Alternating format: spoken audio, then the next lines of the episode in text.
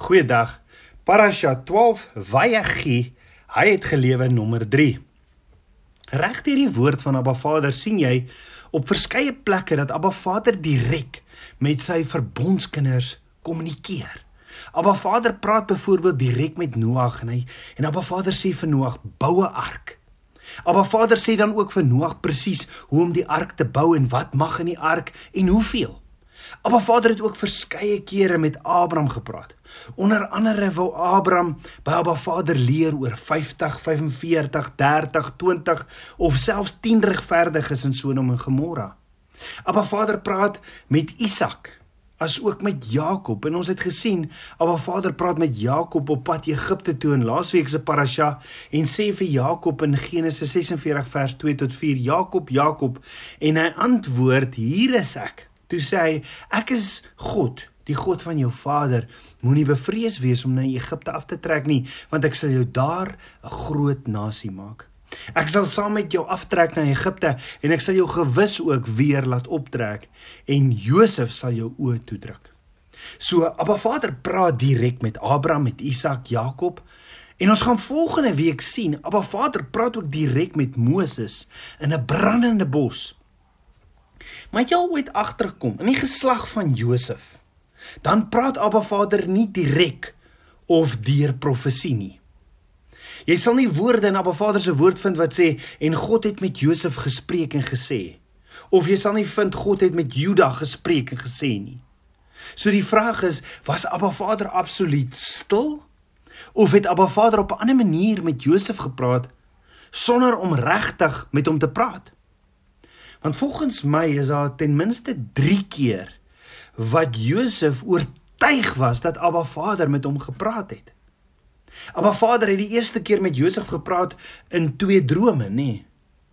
Abba Vader praat ook verseker vandag nog deur drome, maar kom ons los gou hierdie twee drome van Josef vir 'n oomblik op sy en kyk na die ander twee kere wat Abba Vader met Josef gepraat het. Die eerste ander keer praat Abba Vader met Josef in die interpretasie van die droom van Farao want onthou Farao se droom is 'n droom oor hierdie sewe mooi vetkoeie wat deur hierdie lelike maarkoeie lewendig opgeëet of ingesluk word. Farao weet dit beteken iets maar sy astroloë of towenaars en wyse manne in Egipte kan dit ook nie uitlei nie. Ja, die skinker van Farao onthou toe vir Josef in die tronk, want sy droom wat want Josef het sy droom geïnterpreteer het en vertel toe vir Farao van Josef in die tronk. Farao laat toe vir Josef kom en sê toe vir Josef: "Ek hoor jy weet hoe om drome te interpreteer." En Josef sê: "Dit is nie ek nie, dit is Abba Vader wat Farao sal antwoord." Want onthou, interpretasie is 'n gawe van die Gees. So die toe, toe begin Farao se drome aan Josef te vertel en Josef interpreteer dit. So waar het Abba Vader met Josef gepraat? Daar staan nêrens na Abba Vader het vir Josef gesê hier is wat Farao wat uitverbond is se drome beteken nie.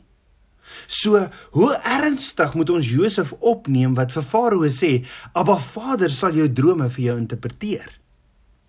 Of Dink daaroor. Dalk is Josef eintlik eerlik en het Abba Vader wel met Josef gepraat, maar sonder om deur 'n stem met hom te praat. Nie soos in en toe sê Abba Vader vir Josef nie. Of toe gaan Josef na Juda toe en Juda profeteer vir Josef nie. Nee, dit was nie 'n profesie nie. Daar was 'n ander manier hoe Abba Vader met Josef gekommunikeer het. Maar voor ons daarna kyk, Kom ons kyk eers na die tweede keer wat Abba Vader met of die derde keer wat Abba Vader met Josef gepraat het. Hierdie derde keer wat Abba Vader met Josef gepraat het was jare later, intedeel 22 jaar later en dis toe sy broers 2 jaar in die hongersnood kom koring koop het in Egipte. Josef het sy broers herken, maar hulle herken hom nie. En uiteindelik sê Josef hulle in Genesis 45 vers 3 tot 5 sê vir hulle en Josef sê vir sy broers: "Ek is Josef." Leef my vader nog? Maar sy broers kon hom nie antwoord nie, want hulle was verskrik voor hom. Verder sê Josef vir sy broers: "Kom tog nader na my." En toe hulle nader kom, sê hy: "Ek is julle broer Josef, vir wie julle na Egipte verkoop het."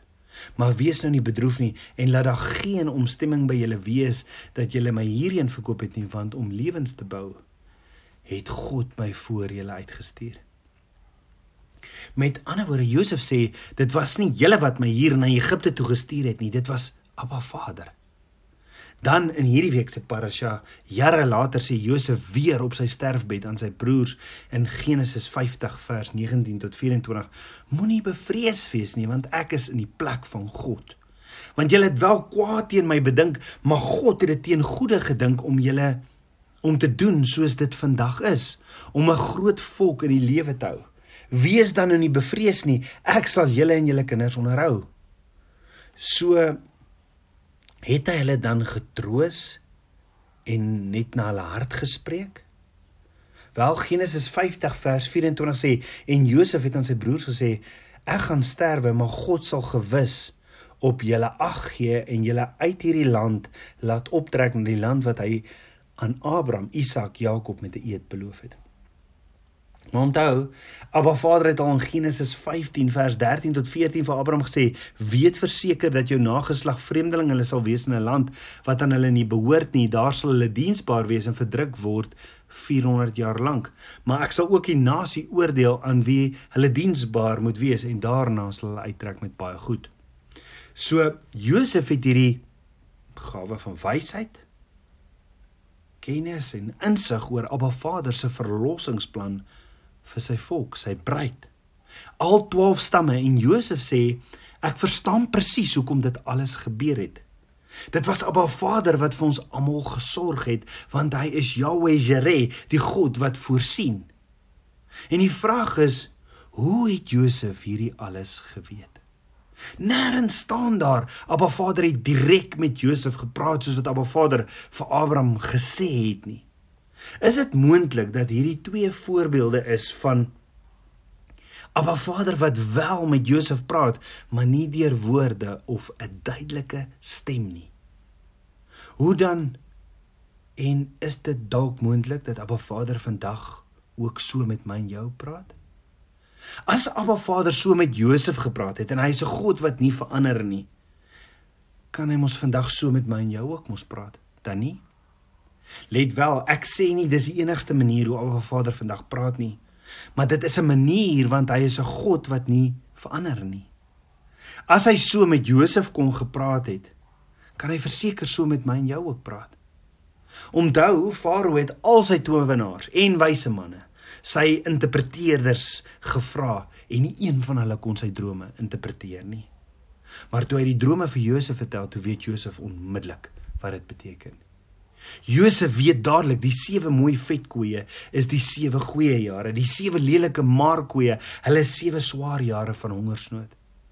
En dat die sewe slegte koeie die sewe goeie koeie verslind, beteken dat die 7 jaar van hongersnood so sleg gaan wees dat dit mense sal laat vergeet dat daar ooit 7 mooi jare was. Ons weet Farao was so beïndruk dat hy Josef dadelik toe in tweede in bevel aangestel het oor Egipte.